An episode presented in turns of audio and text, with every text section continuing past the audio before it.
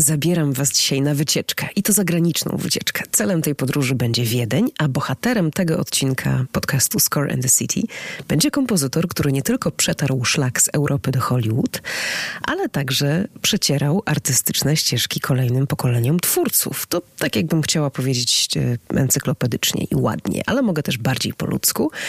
Nie bez powodu mówili o nim ojciec muzyki filmowej. No bo tata cię po prostu bierze za rękę i pokazuje świat. I on właśnie to zrobił na samym początku istnienia gatunku. W jego życiorysie jest wszystko, co składa się na ten trudny i fascynujący zawód kompozytora filmowego. Był to człowiek niedużego wzrostu, z niewyparzonym językiem i przenikliwym wzrokiem. Zapraszam Was na randkę z Maxem Steinerem. W dodatku dokładnie w dniu jego urodzin, które wypadają 10 maja.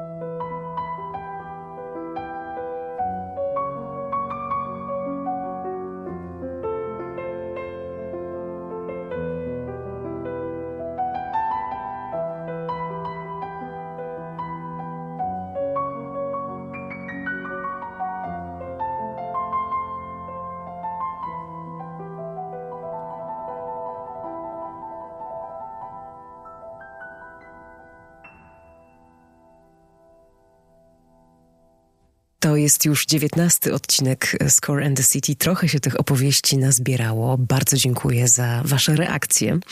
Są tutaj niezbędne, żeby ten podcast, żeby każdy podcast e, żył. Jestem wdzięczna za wszystkie komentarze, za udostępnienia, subskrypcje. Na Apple Podcast jest też możliwość zostawienia paru słów e, w recenzji. I część e, z Was pisze też do mnie po prostu prywatne wiadomości. One są przepiękne. Jeśli macie ochotę zasugerować na przykład jakiś temat do jednego z kolejnych odcinków, to też bardzo proszę. A można to na przykład zrobić e, idąc ze mną na wirtualną kawę.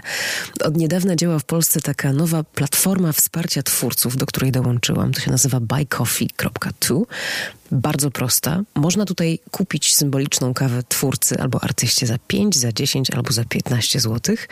Więc jak widzicie, to nie są najdroższe kawy świata. Nie ma rejestracji, to jest jednorazowe albo wielorazowe, szybkie wsparcie, które pomaga realizować potem na przykład taki podcast jak ten. E, link do Buy Coffee tu jest u mnie na Facebooku podpięty na samej górze i wrzucam go też w bio na Instagramie i bardzo dziękuję. Tak mi się przyjemnie ta wirtualna kawa jakoś kojarzy z filmem, no bo wiadomo, że dzień na planie filmowym zawsze, ale to zawsze zaczyna się od kawy. Bez niej się tam nic nie wydarzy.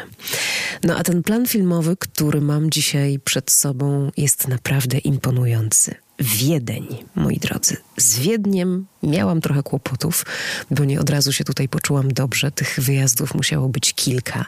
No i Wiedeńczycy też należą do specyficznych ludzi, ale za którymś razem, i bardzo tutaj pomógł e, mój przyjaciel, który przeprowadził się z Warszawy do Wiednia, i zdeptał ze mną e, to miasto w taki niecodzienny sposób. Okazało się, że to, co mnie najmocniej tutaj urzeka, leży w ogóle z dala od największych atrakcji turystycznych. Ale wcale nie znaczy, że jest mniej pięknie. Szerokie ulice z pasami zieleni, malutkie skwery, na których czas płynie zupełnie inaczej i ledwo co tam człowiek i ledwo co tam człowiek przysiadł, to już się okazuje, że siedzi kilka godzin.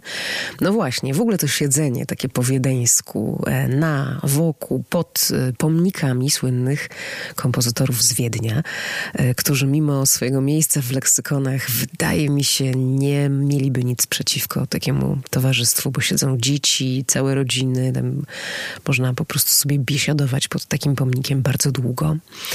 Kamienice z tak okazałym e, wejściem, na przykład małymi, ślicznymi ogrodami z przodu, przepięknymi oknami, Potrafię przed taką kamienicą stać i długo myśleć o mieszkańcach, a ciekawość mnie po prostu zżera, jak można tak spektakularnie i tak zwyczajnie jednocześnie sobie mieszkać.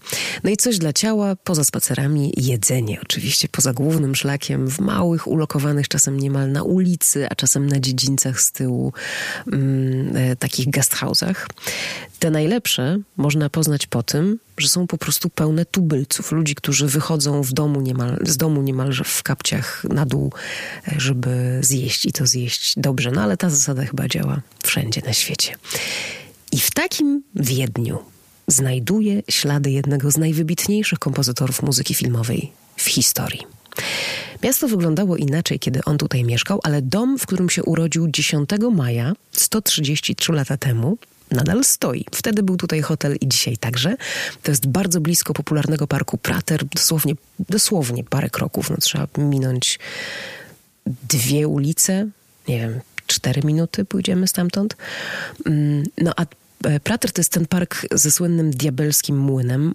Obok są obłędnie piękne, zielone e, tereny. Świetne miejsce. Ja w ogóle się tutaj e, zatrzymuję. Nic mi więcej do szczęścia nie potrzeba. Mm, a jak naprawdę bardzo mi się zechce takiego Wiednia z pocztówek e, klasycznego, no to wystarczy nieco dłuższy spacer. I, I już. To miasto chyba wymyślono po to, żeby po nim chodzić. Ale wróćmy do Steinera. On się urodził w, w hotelu w żydowskiej dzielnicy Leopoldstadt. Hotel pod inną nazwą działa i e, informuje o swoich wybitnych e, mieszkańcach na takich tablicach pamiątkowych umieszczonych na zewnątrz. I ta kamienica, to było moje pierwsze spotkanie z Maxem Steinerem w Wiedniu. A obok Steinera mm, jest też e, informacja o Stanisławie Wyspiańskim, który się tutaj zatrzymywał wielokrotnie.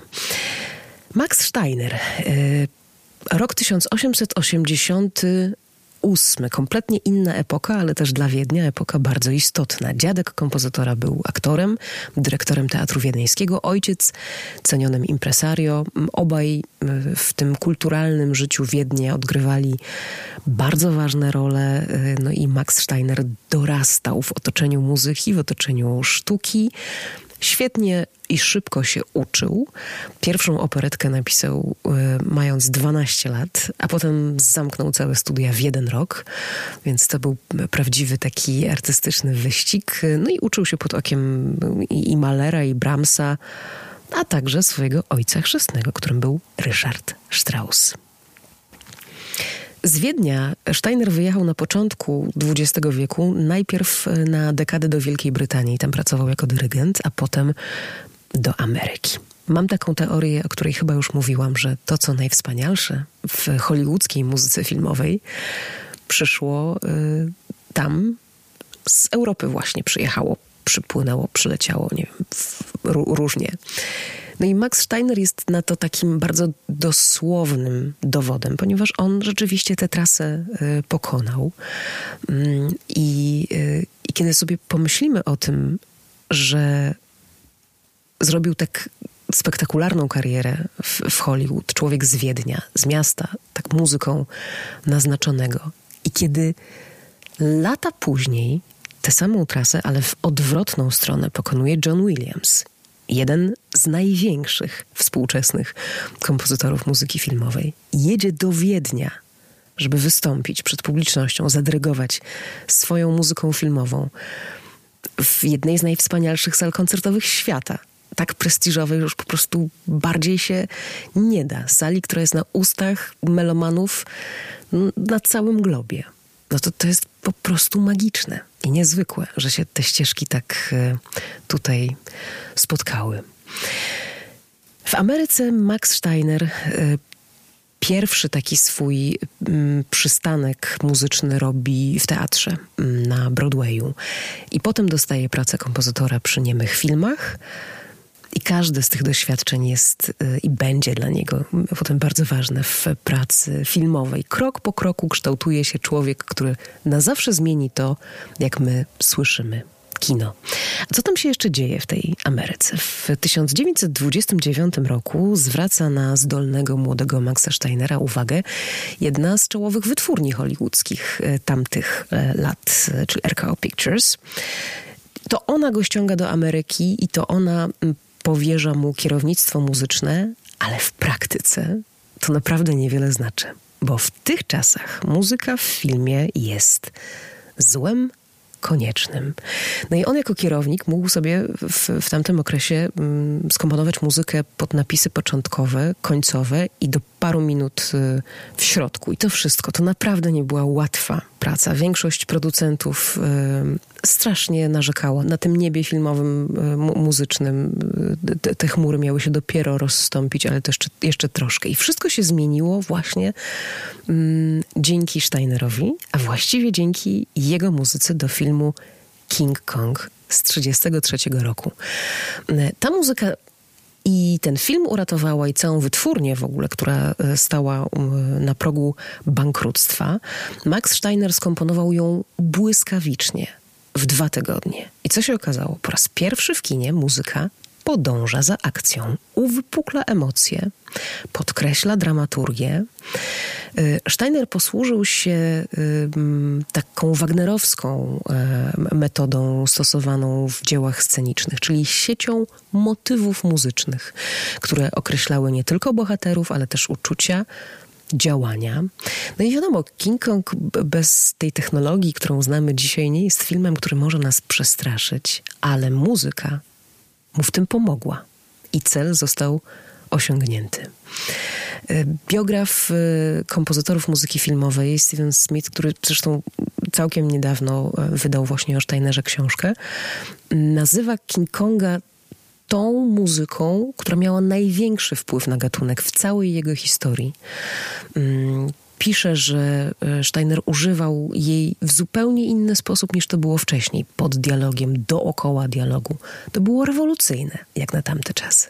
I pojawiła się nawet taka opinia, że King Kong e, powinien być nie nazywany filmem z muzyką Maxa Steinera, tylko muzyką Maxa Steinera pokazywaną z obrazem. Ale Max Steiner rozwinął nie tylko styl pisania muzyki filmowej, on rozwinął e, całą profesję. Był rozchwytywany, bardzo sprawny. W jednym roku potrafił pisać muzykę do 35, 6 albo 37 nawet filmów. Miał żelazną zasadę, nigdy nie czytał scenariuszy. Uważał, że to, co potem jest na ekranie, to jest zupełnie inne i to tylko jest strata czasu, żeby nad tym scenariuszem siedzieć. Jakbym was zapytała teraz, jakie cechy musi mieć dobry kompozytor, to co byście powiedzieli? Oczywiście talent, y, warsztat, umiejętność pisania chwytliwych melodii.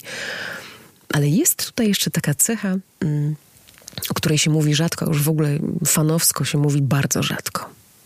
To jest umiejętność chodzenia na kompromis. Bez kompromisu w filmie, który jest dziełem zbiorowym jednak, nie ma sukcesu. I kiedy spojrzymy, jak Max Steiner rozwijał siebie i gatunek e, w tych e, pierwszych latach e, istnienia muzyki filmowej w taki właśnie już bardzo zbliżony do tego, co mamy dzisiaj sposób, to ta umiejętność chodzenia na kompromis pięknie się tutaj wyłania, chociażby w Casablance, wielkim filmowym przeboju, także z muzyką Maxa Steinera. Oczywiście e, pierwszym naszym muzycznym skojarzeniem, jeśli chodzi o Casablankę, jest e, piosenka As Time Goes By. I oni tę scenę z tą piosenką nakręcili, a później, kiedy zobaczył to Max Steiner, uznał, że to nie jest najlepsza piosenka. Nie jego, dodajmy. I że, że on jest w stanie napisać piosenkę lepszą ale nie można było już powtórzyć e, tych zdjęć, ponieważ Ingrid Bergman miała już inną fryzurę do następnego filmu, wobec czego piosenka musiała zostać. I Max Steiner poszedł na kompromis, rzeczywiście, to znaczy uczynił z tej piosenki filar e, całej ścieżki, wiedząc, że i tak nie może tego zmienić. Później oczywiście e, w wywiadach, w materiałach archiwalnych wyłoni się nam taki obraz Maxa Steinera jako też człowieka krnąbrnego i mm, posługującego się raczej ostrym językiem w mówieniu o muzyce i o kinie. Ale mnie ten przykład z Casablanką jakoś tak e, pięknie gra do dzisiaj i zawsze sobie myślę o tym, mm, że cechą takich ludzi, którzy mm, w znaczący sposób zmieniali coś e, w, w życiu dookoła, jest, jest właśnie to, że czasem trzeba powiedzieć dobrze. Niech zostanie tak, jak wy chcecie, a ja się dostosuję. Od 1937 roku Max Steiner pracował dla Warner Bros. Właśnie, e, właśnie nad Casablanką, ale potem także nad romantyczną historią Summer Place, która wygrała Grammy i jego muzyka stała się na kilka tygodni numerem e, jeden na liście Billboardu zwyciężając z Sinatrą i z Presleyem, a Max Steiner miał wtedy 71 lat i naprawdę nie był już ani najmłodszy, mm, no ani najbardziej e, jakoś tam rozchwytywany i popularny mm, w, w Hollywood, bo już wkraczało kolejne pokolenie. To też Max Steiner jest autorem fanfary studia, która właśnie od 1937 roku, mm, e, bo powstała wtedy dla filmu Toverich, do 54 rozpoczynała wszystkie produkcje Warner Bros. i pojawiała się też e, później. 24 nominacje do Oscarów miał kompozytor i y, trzy statuetki. Mm, za muzykę do komedii Moje życie z ojcem Michaela Curtisa z 1947 roku zdobył też Złoty Glob i był to pierwszy raz, kiedy ta nagroda została przyznana za oryginalną ścieżkę.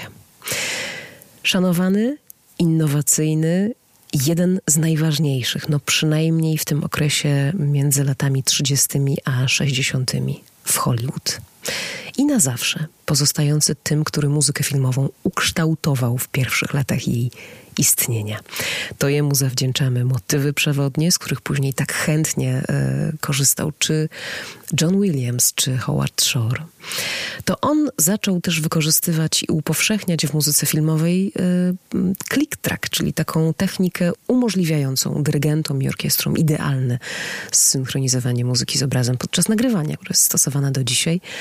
Mm, wielu technik e, używał bardzo świadomie, wiedząc, jakie ryzyko za sobą niosą chociażby tej słynnej e, techniki czy sposobu, o którym się mówi Mickey Mousing, czyli takiego odzwierciedlania w muzyce tego, co się dzieje w obrazie, że jest to no wręcz niezwykle oczywiste i niezwykle wprost. Znaczy, kiedy bohater upada, rzeczywiście muzyka robi bum, a kiedy mm, biegnie po schodach, to muzyka biegnie razem z nim. To e, sformułowanie Mickey Mousing wzięło się od pierwszych filmów z myszką Mickey, kiedy faktycznie muzyka e, robiła dokładnie to, co e, bohaterowie. W filmie rysunkowym, w filmie animowanym, mm, w filmie, który ma nieco inny przekaz, to się bardzo przydaje, choć też oczywiście nie zawsze. No a później w, w kinie aktorskim Max Steiner udziela, udzielając wywiadów opowiadał później, krytykowany na przykład za to, że, e, że nie jest przeciwny tej technice tak w stu procentach. Mówił, no dobrze, ja rozumiem fantazję, rozumiem wyobraźnię i rozumiem różnorodność i oryginalność, ale na Boga, jeśli mamy scenę, która e, się toczy na polu bitwy, to nie możemy dać tam e, muzyki, która, nie wiem, przypomina mm, piknik w, w parku wśród zieleni w środku lata, bo ona po prostu nie będzie pasować. Mówił o tym e, bardzo stanowczo, wiedząc, jakie narzędzia ma i kiedy może stosować się do tych zasad, a kiedy może je łamać. W 2020 roku ukazała się pierwsza pełna biografia kompozytora zatytułowana właśnie Music by Max Steiner. Epickie życie najbardziej wpływowego kompozytora mm, na Hollywood. Jej autor y, Stephen Smith porównuje trochę życie Maxa Steinera do życia Scarlett z Przeminęło z wiatrem. Bo tak jak w Przeminęło z wiatrem mamy bohaterkę, która usiłuje odzyskać to, co utracone, tak Maxowi Steinerowi przez całe życie towarzyszyła, towarzyszyło takie marzenie mm, powrotu, takiego wiecie, takiego powrotu y, mentalnego, gdzieś tam y, nienamacalnego do tego miejsca, z którego wyrósł i do tej atmosfery, czyli z Wiednia najlepszych czasów, z Wiednia tętniącego muzyką i teatrem. No i do blasku nazwiska, które nosił. To wszystko um, odbyło się kosztem jego życia osobistego. Miał cztery żony, um, męczył się z uzależnieniami od hazardu, z problemami finansowymi, przeżył samobójstwo syna. To są bardzo ciężkie i dramatyczne doświadczenia. Mm, ale wyłania się mimo wszystko z kart historii y, portret y, Maxa Steinera jako człowieka pełnego humoru i zachowującego pogodę ducha. Uwielbiał kobiety. Bardzo często mówił, że to one mm, jakby y, też mają ogromny wpływ na to, co pisze i jak pisze. Znane są takie historie, kiedy zmieniał tonację muzyki do brzmienia głosu e, aktorki, w której aktualnie platonicznie się kochał, a non-stop się w kimś platonicznie e, kochał. Grał w karty ze swoimi kolegami, kompozytorami, między innymi z Wiktorem Youngiem, e, naszym, mówię naszym, bo wykształconym w Warszawie, wspaniałym, również hollywoodzkim kompozytorem, autorem muzyki filmowej, ale także z kina wziętych wielkich standardów muzyki rozrywkowej, jak When I Fall in Love. Grali w te karty najprawdopodobniej w Remika, mm, tak na ostro, wiecie, to znaczy nie było mowy, żeby ktoś odszedł od stołu, e, jeśli nie skończył e, gry. I myślę sobie o tym wszystkim, idąc e, tym dzisiejszym Wiedniem, idąc do Praterstrasse 72, gdzie mieści się e, dzisiaj e, hotel, e, a gdzie Max Steiner urodził się 133 lata temu. I tam, w tym hotelu, jest bar malutki, który się nazywa barem Maxa Steinera. Aż się chce zacytować Casablankę. No ale ze wszystkich barów we wszystkich miastach na całym świecie, a przede wszystkim ze wszystkich barów w Wiedniu, trzeba tam po prostu wejść i zobaczyć. Są tam zdjęcia, mm, jest historia rozpisana y, Maxa Steinera na ścianach. Bardzo przyjemne miejsce, bardzo miły hotel, mm, taki nieduży, wbity gdzieś tam w ciąg y, kamienic, y, ale nie sposób go też przeoczyć. Bardzo miło się siedzi na zewnątrz, co ważne w dzisiejszych czasach, albo też w takim ogródku mm, z tyłu, ale bar musicie zobaczyć koniecznie. Jest tam też sporo fotosów i plakatów, e, no i taka atmosfera przypominająca e, trochę Hollywood lat 40., 50. i 60. Może podpowiem komuś w tym miejscu taki pomysł na lato, żeby wyruszyć śladami muzyki e, filmowej. Wiedeń tak przecież blisko. E, leci się, nie wiem, raptem 40 minut. Można też pojechać samochodem albo pociągiem. E, oczywiście pod warunkiem, że nam wszystko pięknie otworzą i że to będzie już e, bezpieczne. A dodam, że w tej chwili w Wiedniu na zewnątrz nie trzeba mieć maseczek, można swobodnie sobie mm, spacerować, a dosłownie za chwilę mają się otworzyć knajpki, więc naprawdę ten wiedeński urok będzie znowu przypominał ten stan normalny. No i może ktoś z Was zechce sobie latem właśnie wyruszyć w taką podróż i ten dom, w którym się urodził Max Steiner, może być takim przystankiem na tej trasie. Zatem spaceruję po Wiedniu, słucham e, Maxa Steinera. Przeminęło z wiatrem, słucham Casablanki, rzucam uchem na King Konga i mm, i na wiele innych znakomitych ścieżek, do których wracają kolejne pokolenia twórców. I myślę o tym, co powiedział, że muzykę w filmie powinno się bardziej czuć niż ją słyszeć. Te słowa pozostają prawdziwe i bardzo skuteczne. Nawet we współczesnym, szalonym, zupełnie innym i nowoczesnym e, świecie filmowym. Kiedy jednemu z największych reżyserów świata Stevenowi Spielbergowi, który z dumą mówi, że gdyby nie był reżyserem, to byłby kompozytorem. Urodził się syn. Spielberg nazwał go Max. Po Steinerze. Dziękuję. Do usłyszenia.